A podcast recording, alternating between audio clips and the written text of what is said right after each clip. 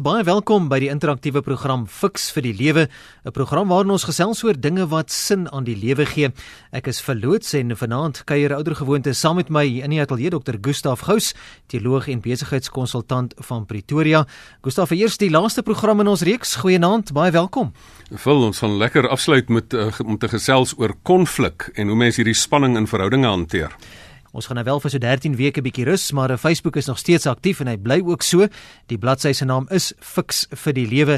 Jy moet die like knoppie daar gaan druk en dan sal jy ook op hoogte bly van wat gebeur in die wêreld van Fix vir die Lewe en jy kan daar ook jou sê sê.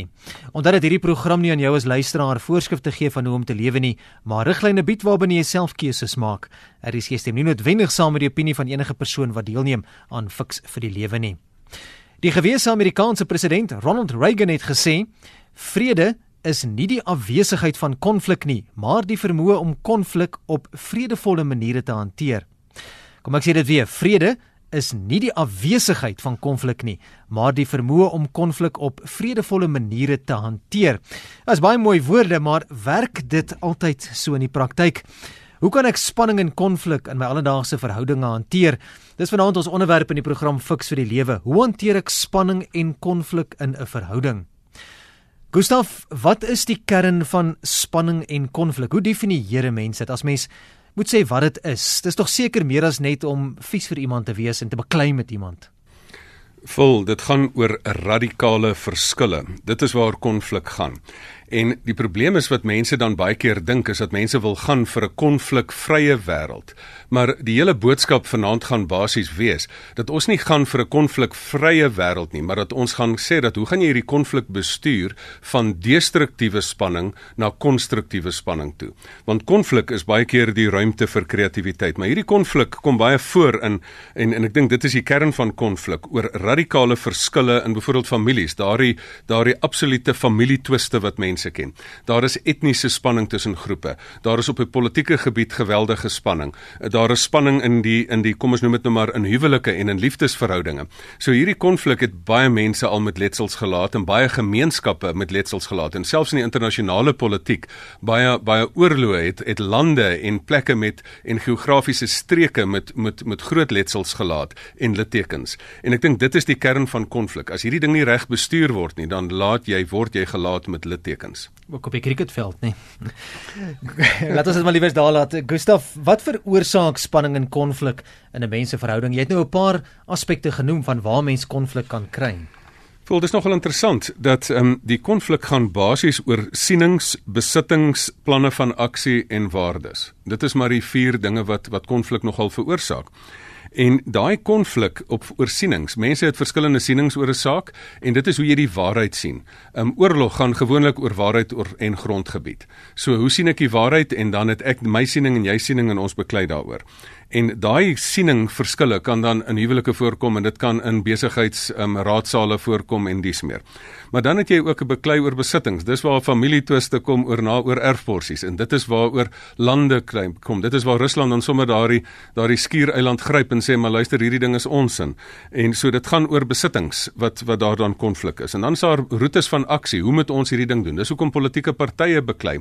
Hierdie politieke party sê my manier van hoe ek hierdie probleem wil oplos is hierdie hierdie aksieplan. Um, en dan sê alle politieke partye nee nee nee, jy gaan ons oor die afgrond vat met hierdie plan van jou. Um, ek het 'n beter metode om dit te doen.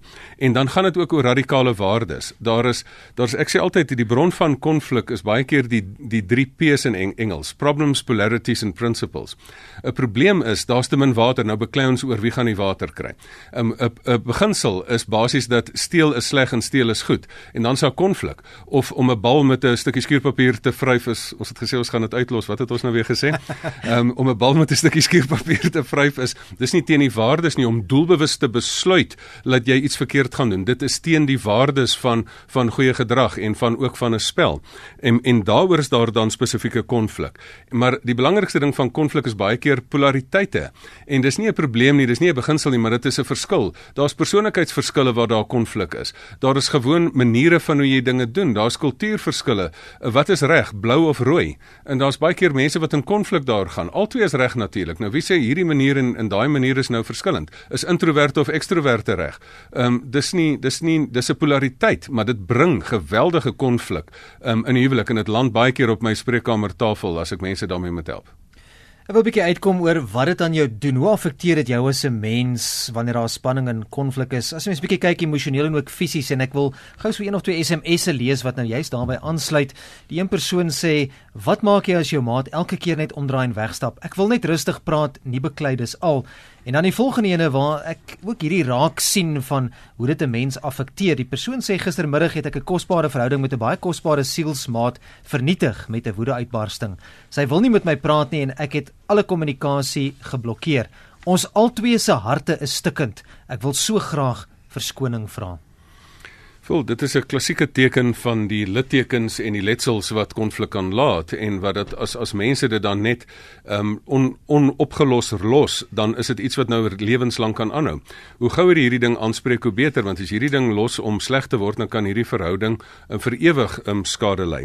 Die kort en lank van die van die emosionele effek van konflik op 'n mens um, is dat dit eintlik daardie klassieke veg of vlug respons vir jou het. Jy wil as daar konflik is, wil jy of veg en ek sê man, ek wil nou aggressief uitbars en veg of baie mense sê maar luister, ehm um, um, ek gaan maar net krimp weg en op die Facebook bladsy ook ook gevra het waar het mense konflik het hulle gesê maar ek gaan kruip my eerder weg of ek vermy eerder konflik. Ek gaan sit eerder in in in lek my wonde. Nou dit bring mense in verband met wat wat ehm um, daar is daar's twee ehm um, sielkundiges wat in 1974 reeds vyf maniere van konflikhantering en die emosionele reaksie op konflik het dit het dit ehm um, uit uitgewys. En die Kenneth Thomas en Ralph Kilman het hierdie vyf style uiteengesit en hy het gesê jy kan in een opsig kan jy konflik vermy. Dit is die vlugopsie. Ehm um, maar dit is dan dan dat jy eintlik daar sê maar ehm um, jy wil nie in hierdie ding wees nie. Dan die volgende een is is dat jy konflik soek. Ehm um, jy forceer die situasie. Jy besluit ek gaan hierdie ding wen. Jy kompeteer. Um, dan die volgende een is is dat jy um, dat jy saamwerk, dat jy kom ons sê nou maar saamwerk vir 'n wen-wen situasie. En die ander een is dat jy sommer net ingee en dat jy sommer net um, die ander persoon akkommodeer en jouself jou eie regte nie laat geld nie. En dat jy dan so tussenin so ergens so halfgebakte um, 50-50 lou opsie het van dat jy kompromie aangaan in konflik. Dat jy sê 50-50, dan is jy halfpad gelukkig en halfpad nie gelukkig nie. So dit is eintlik die vyf goeters van van van konflikhantering en sedertdien is dit eintlik nog die basis van konflikhantering in enige situasie of dit nou in die politiek is of in menslike verhoudinge. Jy het nou gepraat van 'n vlugopsie, maar hoe moontlik is dit om spanning en konflik in verhoudings heeltemal te vermy? Wil die vraag wat jy vir jouself afvra is, hoekom? Hoekom wil mens konflik vermy? As jy konflik vermy, dan ontneem jy jouself die kreatiewe potensiaal van hierdie ding want as almal net dieselfde dink in 'n situasie, wie sê almal dink nie dalk verkeerd nie. Ehm um, is die soeke na waarheid nie juist daarin dat daar teenstrydige standpunte is wat dan by mekaar moet uitkom en kreatief moet mense dit met mekaar ehm um, moet mense dit met mekaar uitpraat. Ehm um, en ek, ek wil amper nie die woord gebruik uitbeklei nie, maar dat jy dit met mekaar uitpraat sodat jy tot 'n kreatiewe oplossing kan kom. Daar's eintlik net een um, situasie waar jy konflik 100% moet vermy en dit is as daar 'n bus op jou afpyl. so daar is 'n plek vir konflikvermyding. So in hierdie vyf goeters wat Thomas um um Kenneth Thomas en Ralph Kilman gesê het, van dat jy konflik kan vermy of dat jy die persoon maar heeltyd net kan akkommodeer of jy dit heeltyd kan kompeteer of dat jy heeltyd dan 'n kompromie wil aangaan of dat jy dan wil saamwerk vir 'n wen-wen. Um een dit is 'n geldige situasie dat jy soms kan vermy, want as daar 'n groot bus op my afhardloop, dan kyk ek om so en die tipiese veg of vlug respons sê in my agterkop vir my Gustaf, jy's kleiner as hierdie bus, so raai wat, ehm um, kom uit hierdie situasie uit. Daar is 'n situasie waar jy kan sê, maar een ding wat is daar daar is situasies waar wat beter is as teenwoordigheid van gees in 'n situasie is afwesigheid van liggaam. Dan haal dan jou liggaam uit die situasie uit. So, maar dit is nie die dit is nie die noodwendig die beste manier in die gewone situasies nie. In gewone situasies moet jy ook nie die konflik probeer vermy nie. Mense sê baie keer, maar um, ek wil nou die battery hierse positief en negatief en as jy daai kabels wat jy as jy 'n battery nou mos daai kabels aanraak, dan spat die vonke nou mos. Dan sê hulle nou ek wil konflik vermy. Ek sê ag nee man, dan jy mos die potensiaal verskil, die kreatiewe spanning wat moontlik is, um hier uit gaan weg wegvat. As jy die battery pap maak en die konflik wil vermy, dan kan hierdie battery nie die kar aan die gang bring nie. Dan kan hy nie kreatiwiteit aan die gang bring nie. Dan kan hy nie mense tot kreatiewe oplossings bring nie. So ek is nie bang vir die spanning nie. Ek wil net hê ons moet destruktiewe spanning vermy. Dis wat jy moet vermy, nie konflik nie. Dis hier is hier waar jy ingeskakel is tussen 100 en 104 FM. Die program is Fix vir die Lewe. Ons gesels vanaand oor hoe hanteer ek konflik en spanning, ook spesifiek in 'n verhouding. My gas is Dr. Gustaf Gous en jy kan saamgesels deur middel van die SMS lyn 45770. Kos R1.50 of e-posse welkom deur middel van ons webblad. Moet ook nie vergeet van Facebook nie. Ons is ook aktief op Facebook. Iemand sê ook hier, dit is Abel van der Merwe van Woester. Gustaf, hy sê om elke dag met die publiek te werk is ook 'n goeie teel aarde vir konflik. Hy sê ons 'n bietjie daarop 'n uh, kommentaar lewer, maar ek wil juis fokus nou op maniere watse watter maniere kan 'n mens gebruik om spanning en konflik te ontlont? Hoe moet 'n mens dit hanteer? Want dit is 'n realiteit, daar is spanning en konflik. Ons kan nie dit vermy nie, maar ons moet dit seker kan hanteer. En hoe moet ons dit doen? Weet jy vol as 'n mens op 'n situasie kom van dat jy daarvan hou mense dop te hou, dan is ek baie keer mense wat ek regtig bewonder oor hulle hierdie ding kan doen. Mense wat onder die hoogste spanning in 'n diens in um, venster sit en mense kom en hulle moet klagtes bring en daar's party mense wat dit net ongelooflik goed kan hanteer. Want wat gebeur in 'n situasie? Daar is 'n sekere hoeveelheid konflik nodig. Hierdie persoon sê maar luister, hierdie produk was nie goed genoeg nie. Dan kom klaar die persoon daarbey. Dan's 'n gewone kwaad in dies meer. 'n Slim persoon kan weet dat jy op 'n sekere situasie die energie wat loskom by die ander persoon kan kanaliseer dat 'n 'n 'n vriendelike woord kan net sê maar meneer ek verstaan wat jy voel dat jy nommer 1 luister na iemand anders se saak. Jou vir 'n oomblik sit in iemand anders se voete en sê maar luister ek verstaan dat jy kan dink soos jy dink. En dat jy vir die persoon sê maar kom ek staan langs jou en help jou om hierdie probleem op te los en kom ons staan nie teen mekaar en dis ek teen jy nie.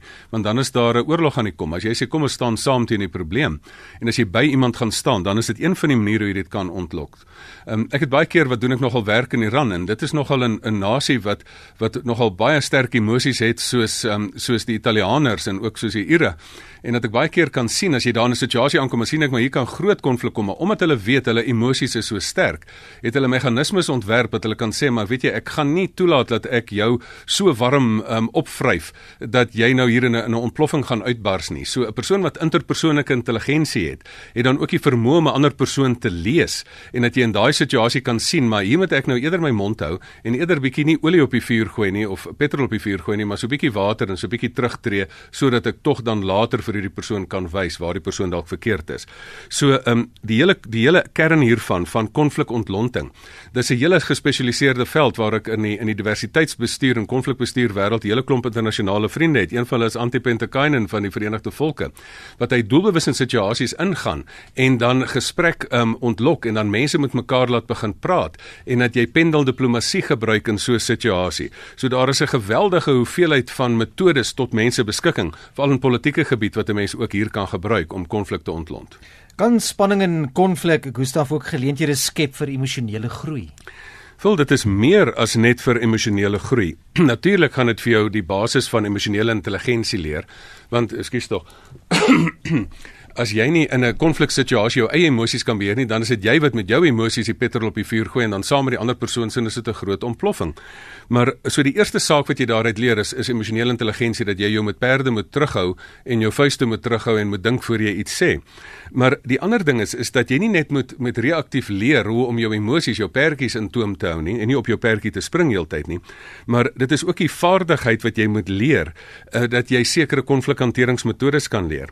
Daar is daar is baie keer wat mense kan sê maar ek verskil van jou dan het hulle net een stuk gereedskap in hulle gereedskapkis en dis 'n hamer. En dan wil ek jou slaan met hierdie hamer. Dan wil ek jou nail want jy nou dit gedoen en dit is verkeerd. Maar as jy meer gesofistikeerde stukke gereedskap kry in die hantering van verskille want konflik is radikale ehm um, verskille wat jy voel en hoe jy dan daarop rea wil, wil reageer. As jy dan eenvoudige tegnieke wat jy in 'n gereedskapkis kan sit wat ek noem die die konflikhanteringsgereedskapkis, ehm um, dan kan jy dit in huwelike gebruik dat jy kan sê maar luister, um, ek wil na die ander persoon luister. Iemand het eendag gesê maar luister, konflikhantering kan jy mos maar in die kleuterskool al aangeleer het. Um, as jy nou 'n konflik het oor oor hierdie hierdie ding, oor hierdie stuk, dan hoe kan hoekom deel ons hom nie? Um, um die tweede een is hoekom maak ons nie beurte nie? As jy die ding wil hê en ek die ding wil hê, vat jy hom eers en dan vat ek hom daarna. Um kom ons ruil 'n bietjie. Jy wil daai ding hê en ek wil die ding hê. Kom ek gee vir die ding wat jy wil hê en gee jy my weer iets wat ek wil hê. Dis mos nou klein eenvoudige goedjies wat jy nou mos al in die kleuterskool geleer het. Baie keer dan sit ek en dink die politieke partye soek doelbewus konflik. Hulle wil nie hierdie goeters gebruik nie want hierdie metodes is tot beskikking. Hulle wil doelbewus konflik skep om stemme te wen. Want dit is nie dit is nie romanties of nie nie um, nie oulik om regtig hierdie konflik um, hanteringsmeganismes te gebruik nie. Hulle wil juis die vuur opblaas um, sodat hulle kan um, reaksie kry en stemme kry. So ja, juis die sterk hmm. man wat nou staan vir sake. Um, maar hierdie goeters is beskikbaar. Waar 'n wil is, is 'n weg. As mense konflik goed wil bestuur, raai wat? In die besigheidswêreld is die metodes, in huwelike en in liefdesverhoudinge daar is die metodes en selfs in familie. So baie interessante punt wat jy nou maak en ek wil 'n paar SMS'e ook daarbey ingooi uh, wat my bring by my volgende vraag Gustaf. Hier's twee SMS'e wat ek graag wil lees. Die eerste een is van Ilse. Sy sê soos op Engels gesê word, choose your battles. Ek bly liewer stil. My maat kan nie verskille bespreek nie en hy verskree my altyd. En dan sê Mariette ook ek het gevind dat as ek konflik vermy om die vrede te bewaar, dat ek 'n oorlog binne myself begin. Nou baie mense probeer lyk like my die die konflik eenkant toe skuif, maar daar is konflikte in verhoudinge, huwelike, werksplekke, kerkverband, sport, jy noem dit nou maar. Gemoedere loop soms hoog en daar is spanning en konflik. Is dit noodwendig negatief of kan dit ook stimulerend wees? Vol selfs die Bybel sê in in Spreuke 27 vers 11, yster slyp yster en staal slyp staal. So daar het jy die hele konsep van dat jy die waarheid kan kry. Party mense is regtig in moeilike huwelike. Ek het baie begrip vir mense wat in hierdie met 'n aggressiewe ou uitbarsterige ou persoon um, getroud is. Um, en dit kan nie dis nie net 'n man nie, dis baie keer vrouens ook. En dat jy dan maar nou die die die konflik net vermy. Die nadeel daarvan as jy heeltyd hierdie ding um, op opslurp en so aan en moet opeet, dan word jy soos 'n blikkie kondensmelk van oats wat gekook word. Daar is in die in die veld van selfhandhawing is daar jy kan maar die vloerlap wees of jy kan die aggressor wees wat oor ander mense se vloere heeltyd loop, um, of jy kan die persoon wees wat tussenin vir 'n wen-wen situasie of 'n kompromie gaan. Maar as jy heeltyd die nonsens moet opvreet, dan is dit baie keer soos 'n drukkoker wat dan skielik eendag dan ontplof daai persoon in 'n konflik en sê ek kan nie glo dat daai persoon so ontplof het nie. Maar dit is omdat jy dit dan sleg bestuur het. Dit is die spreekwoordelike vul die hele storie van dat party mense gee maagsere en party mense kry maagsere. Die wat die wat ehm um, wat dit internaliseer heeltyd en dan verplaas jy die uiterlike konflik na innerlike konflik. Jy sê maar nou laat ek toe dat ek so vertrap word en dan is dit inner konf, innerlike konflik met jouself wat jy sê maar ek weet ek is meer werd as dit. Ek mag nie so hanteer word nie. En daai ding moet mense dan eerder beide partye moet dan vir vir afrigting gaan sodat hulle hierdie konflik in 'n huwelik beter kan hanteer. En as daai persoon nie wil Miskien tog nie wil gaan nie daar's altyd 'n manier om iemand by die onderhandelingstafel te kry. Ehm um, en dan moet mense dit maar gebruik om iemand by in 'n gesprek in 'n in 'n afrigtingsgesprek betrokke te kry. Nou, is hierdie stasiebestuurder Magdalene Kreer, Gustav het by 'n geleentheid gesê ons moet pasop, onopgeloste spanning en konflik kan vlerke kry. Hoe hanteer jy onopgeloste spanning en konflik en is dit moontlik om alle spanning en konflik wel te kan oplos? Vol ehm um, die stasiebestuurder Magdalene is 100% reg. Ehm um, dit is dat hierdie onopgeloste konflik kan soveel, soveel um, moeite veroorsaak. Dit is soos 'n klip wat by die berg afrol. As jy hierdie ding toelaat, dan bou hy op en hy kry 'n momentum van sy eie wat wat dan baie baie destruktief raak. En daai destruktiewe spanning is juis dit wat 'n mens moet vermy. Die tweede deel van jou vraag is, um, is dit moontlik om alle spanning en konflik op te los? Nie uiteraard nie. Ons wil mos juis nie alle spanning oplos nie. Um, dit is net soos 'n battery. Ek wil nie die spanning tussen negatief en positief wil ek oplos nie, want daar's kreatiewe spanning. Hierdie spanning moet net nie destruktief raak soos ek soos ek gesê het nie. As jy 'n gloeilampie tussen daai goeters insit, dan maak jy dit kreatiewe spanning waar dan nuwe lig op die onderwerp kan val wat deur hierdie gloeilampie gaan. As hierdie ding in vonk vonke ingaan, dan spat die vonke soos dit in baie verhoudinge ingaan. So hierdie konflik is is is baie sleg en as jy dit te lank doen, dan gaan daai blikkie kondensmelk een of ander tyd ontplof. Maar voor daai tyd moet mense dan doelbewus gaan en vir hulle sê die gereedskap is beskikbaar, politieke mediasie is beskikbaar. Ehm um, jy kan vir hierdie situasie gaan, jy kan vir mediasie gaan, jy kan vir arbitrasie gaan.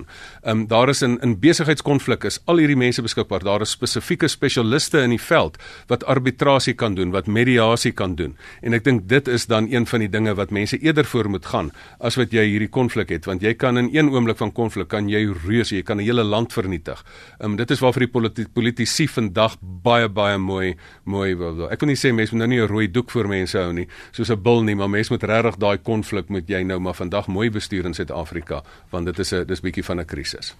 Ek was so een SMS van Dion gou gelees as ek by my volgende vraag uitkom. Dion sê: "Hoe hanteer mens konflik met 'n gesagsfiguur by die werk, byvoorbeeld 'n skoolhoof wat dan ook boonop nog 'n boelie kan wees?" Nou, ons het al 'n paar beginsels aangeraak hier, Gustaf, oor hoe ons konflik moet hanteer, maar verskil van daardie beginsels van van situasie tot situasie. As mens kyk na konflikhantering byvoorbeeld in opsigte van kinders of huwelikspaartjies of dan nou soos Dion ook genoem het mense in 'n werksomstandighede of kerklike verskille of bly die beginsels van uh, hantering van konflik en spanning maar dieselfde Wel dit is baie moeilik wanneer daar 'n mags magsverskil situasie is in die hantering van konflik. Um En en daai ding is wat meeste mense dan nou maar kies is nou net om jou werk te behou, dan gee nou maar in en dan is jy nou maar die vloerlap wat nou maar heeltyd nommer 1 of konflik vermy of dan maar heeltyd net nou maar akkommodeer en net net ingee. En op die langtermyn gaan dit jou gaan dit vir jou soveel interne spanning veroorsaak dat jou gesondheid kan affekteer. As 'n mens en dit is 'n dit is dit is die eintlik die makliker pad. Is eintlik die lui roete om daai kom ons noem dit nou maar ontsnappings meganisme te vat. Die ding wat bietjie meer energie vers is dat jy jouself tog opstaan. Kom ons sê nou 'n voorbeeld. 'n Baas vra nou vir jou. Kom ons kyk nou 'n voorbeeld. Hy kom nou na jou toe en daar is 'n magsposisie. Die persoon kan jou van jou werk ontneem en dis meer. En die persoon sê, um, "Luister, dis nou ek weet dis nou Saterdag, maar dit is nou jou afdag, maar ons is agter met ons werk. Jy moet Saterdag inkom om te werk." dis 'n klassieke voorbeeld. Nou in plaas daarvan om net te sê ag ja, okay, ek sal dit nou maar ingee en dan as jy eintlik dan saboteer jy die werkplek later want jy's kwaad vir die baas. Ehm um, kan jy nou maar eintlik byvoorbeeld net sê, jy hoef nie direk teen 'n persoon te gaan nie. Jy kan begrip toon. So hier gee ek nou maar net 'n klassieke voorbeeld van gesonde selfhandel. Ek kan sien um, ons is ongeweldig besig en dat daar het, daar daar daar 'n probleem is en dat ons sekere werk moet inhaal. Maar dan sê, maar ek moet van my kant af die volgende vir jou sê. My dogter het haar verjaarsdagpartytjie Saterdag en dit is my baie belangrik om daar te wees. So, um, ek is jammer, maar dit sal nie vir my moontlik wees om Saterdag daar te wees nie. En dan kan jy een of ander kompromie um, vir 'n persoon gee. Dat jy kan sê maar um, uh, as ek um, dan op 'n ander manier kan help, kan ek miskien dalk 'n bietjie oor tyd werk op 'n Vrydag en dis meer. So hierdie is die klassieke manier dat jy nie vir die baas in die gesig lag en sê sê wat wat wil jy hê nie? Ek bedoel dan word jy nou afgedank of dat jy nou maar net ingee nie. Um hierdie hierdie kwessie van om jou grond te staan, om om jou gesond op 'n gesonde manier self te handhaaf. Dit is die kuns wat mense moet bemeester. Dit is vir my die heel lekkerste ding om mense sterk te maak om om dit te kan doen. Ek het self dit al 'n paar keer in my lewe moes in my lewe moes doen. Ek het ek het ook al een of twee keer die prys daarvoor betaal. Maar weet jy wat is die wat is die wins wat jy daai kry? 'n Stukkie selfrespek en dat jy dan weet jy kan opstaan in 'n konfliksituasie en jou man of jou vrou staan. Ons program staan einde se kant Gustaf ons moet die program saamvat. Kom ons raak so 'n bietjie prakties net weer om om dit saam te vat. Hoe hanteer ek spanning en konflik in verhoudings? Ek dink die belangrikste is as jy weer terugkom na Ronald Reagan dat dat vrede is nie die afwesigheid van konflik nie, maar die vermoë om konflik te hanteer. So ons doel is nie ons wil 'n konflikvrye wêreld hê nie. Ek wil juis die kreatiewe spanning hê van 'n battery waar daar spanning is. Dan moet mense dit gaan gaan um, indeel in waaroor gaan hierdie spesifieke konflik. Is hierdie konflik 'n probleem wat opgelos word? Dit is gewoonlik 'n kwessie van oor land, oor oor oor dat 'n mens verskillende sienings oor besittings daar's te min bronne en dies meer. Ehm um, dan kan jy nou probleemoplossing gaan. Jy daar's party mense wat doelbewus die ding in 'n oorlog wil laat ontaard en dan moet 'n mens hulle nou maar net ehm um, laat vermy. Daar moet genoeg mense wees wat sê luister, jy gaan my nou probeer in 'n oorlog en kry. Ek gaan nie jou toegee nie. Gaan jou nie gelyk gee nie. Ek gaan hierdie ding op 'n goeie manier oplos. Die ander ding is is dat daar verskille is. Daar's polariteite. Daar's party verskille waaroor konflik is wat nie opgelos moet word nie. Persoonlikheidsverskille tussen ehm um, te verskillende persoonlikhede. Introverte moenie ekstroverte word nie en ekstroverte nie introverte nie. Hulle moet leer om in dieselfde vierkant vierkante meter ruimte te deel in slaapkamers en in in in besigheidsraadsale. Um, so dit is die dit is die die die die ding dat jy moet identifiseer waar lê die probleem. Is dit 'n probleem? Is dit 'n polariteit? As daar 'n beginsel is oor 'n uh, 'n 'n beginsel is waar daar konflik is. As iemand sê luister, ehm um, uh, ek gaan nou jou goeder steel of ek gaan nou ehm um, jou kind geweld aandoen dan is daar nie eers 'n kwessie van nie. Wanneer daar 'n beginsel van lewe op die spel is, dan gaan ek in geweld teenoor daai persoon gaan en dan gaan ek daai opsie uitoefen en teen iemand gaan. So jy moet duidelik maklik vir jouself identifiseer wat is hier ter sprake. Maar ehm um, gewoonlik is die gemiddelde situasie van konflikhantering is dan dat jy daai 5 opsies tot jou beskikking het. Jy kan of die konflik vermy wat nie goed is nie. Jy kan of maar net heeltyd ingee, dit is nie goed vir jou gesondheid nie. Jy kan of heeltyd die ander persoon wil um, wil wil onderploeg. Ehm um, dit is baie sleg vir die situasie want hulle gaan terugkom net. Of jy kan 50-50 gaan as jy halfpad gelukkig of jy kan regtig die samewerkingsopsie vat van van dat jy dat jy samewerking gedoen en 100 100% gaan gaan. En dan is die laaste belangrike ding is in die hele konflik moet jy regtig net vir jouself sê stem toon is die hele ding. Ek sê altyd 10% van 'n konflik is is as gevolg van die verskil van opinie, maar 90% van konflik uh, wat verantwoordelik is daarvoor is 'n verskillende vir 'n slegte stemtoon. So praat op 'n ordentlike manier met 'n ander persoon en jy gaan daai grimmige vure gaan jy afweer. Nou dis aan die einde van vanaand se program en ook die huidige reeks van Fix vir die lewe. Ons gaan vir so 13 weke blaaskans neem. Onthou ek ons is beskikbaar op Facebook en die vorige programme vanaand in Kluis sal ook beskikbaar wees as 'n potgooi op ons webblad rsg.co.za. Jy kan gerus daar 'n draai gaan maak en die programme daar gaan aflaai. Gustaf intussen as van ons luisteraars kontak wil maak. Voel dit sal lekker wees as mense kontak hou op die Facebook bladsy. Ons gaan hom lewendig hou. Ons gaan hulle kan vir my e-posse stuur by gustaf@gustafgous.co.za. Ek gaan die tyd bietjie gebruik om te reis internasionaal in verskillende dele van Suid-Afrika. Ek sal mense op die Facebook bladsy laat weet waar ek oral gaan, so dit sal lekker wees om dalk persoonlik oog tot oog met van die luisteraars kontak te maak. En dan as jy enige terugvoer wil gee oor hierdie program, jy's baie welkom om dit ook te doen om vir my e-pos te stuur vul by rsg.co.za ook as jy graag Gustaf se kontak inligting benodig, vul by rsg.co.za co.za